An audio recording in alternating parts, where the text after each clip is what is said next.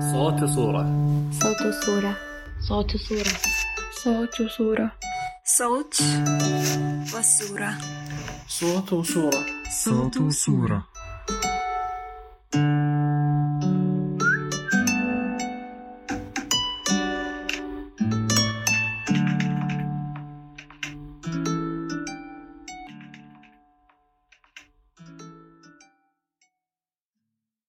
أهلا وسهلا جميعا فيكم في بودكاست صوت وصورة. معاكم سارة واليوم هي الحلقة الثالثة. الحلقة اليوم راح تتكلم عن سوالف قديمة من الكويت شلون كان شكل الحياة في بداية النهضة وشنو السوالف اللي سمعتها ودي أشارككم إياها.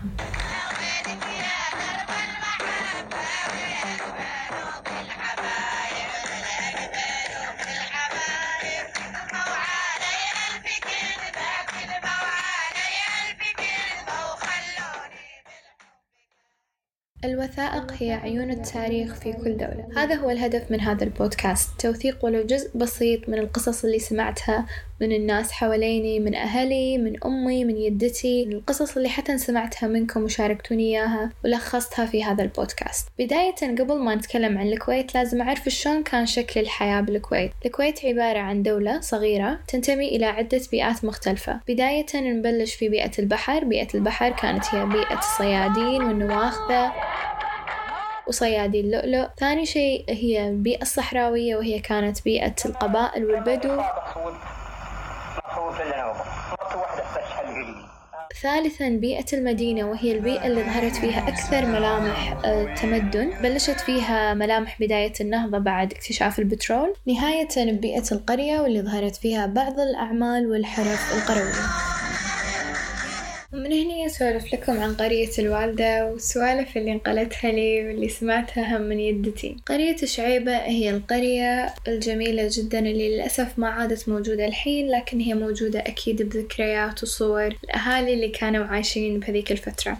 عشان تكون الحلقة ممتعة أكثر طلبت من الأهالي اللي شاركوني القصص يرسلوا لي مجموعة صور عشان أقدر أوصل لكم إياها. واحدة من الصور اللي قاعدة أشوفها صورة ملتقطة من برا البيت. طريقة يبين فيها باب البيت والأطفال اللي قاعد يلعبون وزاوية خارجية نقدر نقول.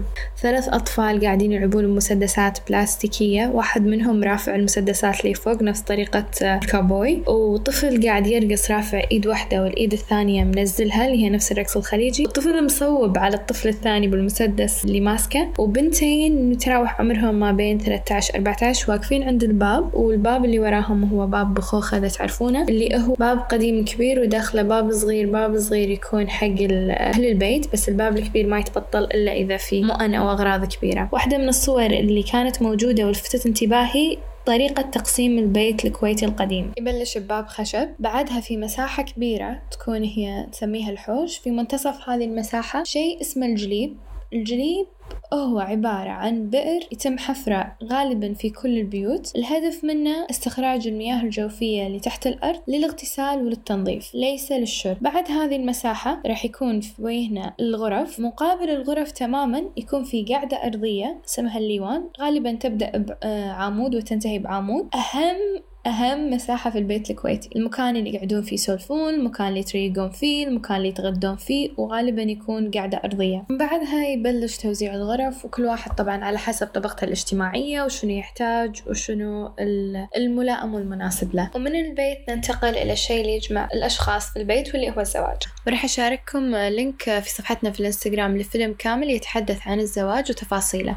لكن الشيء اللي سمعته واللي جدا كان بالنسبة لي ممتع أو غريب. بعد ما يتم الزواج الزوج ينتقل من بيته إلى بيت أهل زوجته لمدة أسبوع ويسمى أسبوع العسل. يقضي وقته كله ببيت أهل زوجته ويتم خدمتهم كافة احتياجاتهم. بعد هذا الأسبوع ينتقل هو وزوجته إلى بيته. هذه بالنسبة لي فعليا كانت معلومة جديدة لأول مرة أسمعها.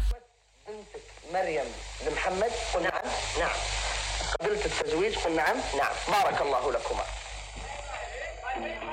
في الكثير من الأشياء اللي مرتبطة بفكرة الزواج وطقس الزواج بشكل عام لكن في بعض الأشياء اللي راح أتكلم عنها واللي جدا لفتت انتباهي صندوق المبيت والذهب أنواعه أشكاله شنو أسماءه شنو الأشياء اللي وصلت لنا وشنو الأشياء اللي قلت قل الحديث عنها أو قل تداولها مع مرور الوقت. أول شيء راح نتكلم عن صندوق المبيت لما أقول صندوق المبيت شنو أول فكرة تطري في بالك؟ إذا كنت كويتي فأنت أكيد سمعت بهالكلمة من قبل. إذا كنت عربي ممكن الفكرة توصل لك من كلمة بيت ولكن خلينا نشرح لكم أكثر. في مقالة قرأتها في موقع دكتور حسن أشكناني مقالة له شخصيا كاتبها عن صندوق المبيت. أنصح كل المستمعين إنه يطلعون على الموقع إذا هم مهتمين في التراث يقرؤون المقالات المواضيع اللي فيها بشكل عام عن التراث وبشكل خاص عن تراث الكويت. راح أقرأ المقالة هي باللغة العربية الفصحى. إنك صندوقي المبيت. هكذا أطلقوا الاسم عليك في القديم فبيوت الأجداد قد احتوتك وضمتك بين جانباتها فأصبحت غصنا في شجرة العائلة وما أنت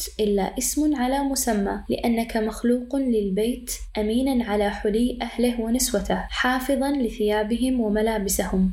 أعتقد صار واضح الحين شنو يعني الصندوق المبيت.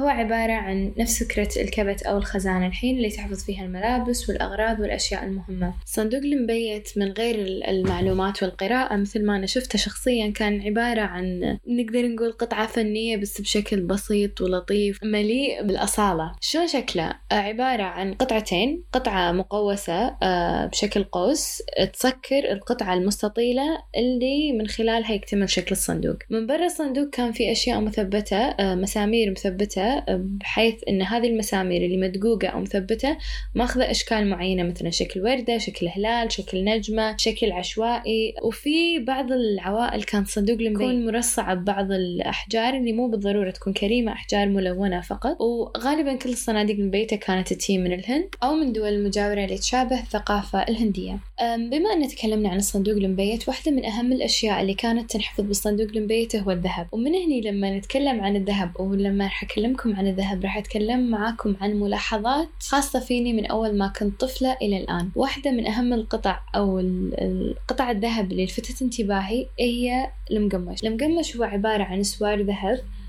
مرصع بحبات اللؤلؤ أو ملصقة في حبات اللؤلؤ وكلمة مقمش جت من قماشة وقماشة بالكويتي أو بالبحريني هي عبارة عن حبة اللؤلؤ متوسطة الحجم. هم عندي خاتم المقمش والمضعد المقمش زين شنو يعني مضعد؟ مضعد كلمة باللهجة الكويتية. المضعد هو عبارة عن سوار ضعيف جدا. قبل كان علشان يكتمل طريقة التزين بالمضعد كانت عبارة عن مجموعة مضاعد عكس تماما ما نشوفه اليوم بحيث أن مضعد واحد كافي ليتم التزين فيه. نلاحظ أن لما تتغير الظروف ولما يتغير الزمن تتغير حتى الصورة العامة للأشخاص اللي في المجتمع. بعدها راح أتكلم واحدة من قطع الذهب اللي كانت تسبب لي حيرة. هي كرسي جابر. كنت دائما لما أسأل وأنا طفلة شنو يعني كرسي جابر وكانوا يقولوا لي سلسلة ذهب. كنت أعتقد إنها هي سلسلة ومرتبطة بكرسي كرسي كبير بالحجم ومذهب. بعد ما بحثت في الموضوع اتضح لي إنها هي سلاسل مرتبطة بدوائر. مرتبطة بدائرة في النص كبيرة بالحجم أيضا بسلاسل مرتبطة هم بدوائر مرتبطة بدائرة كبيرة بالحجم. قطعة ذهب كبيرة جدا بالحجم وغالية جدا ومكلفة. وتم تسميتها لكرسي جابر نظرا للشيخ جابر الأحمد في الثمانينات وذلك لحب الناس له. وأنا أبحث في الموضوع كنت معتقدة أن الموضوع كان فقط مقتصر على دول الخليج لكن كان التباهي فيها أيضا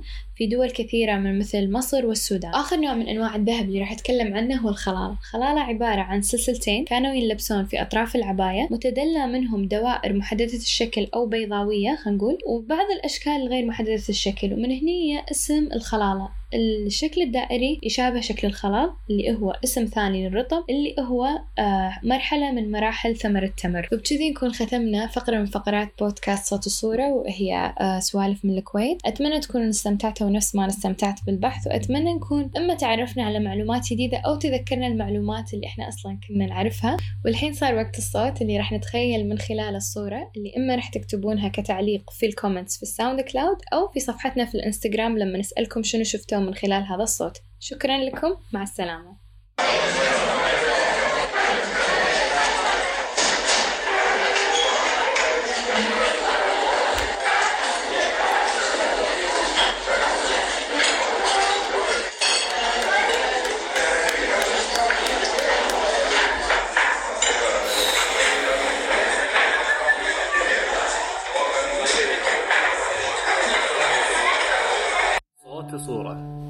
صورة صوت صورة. صوت صورة. صوت صورة. صوت والصورة. صوت وصورة صوت وصورة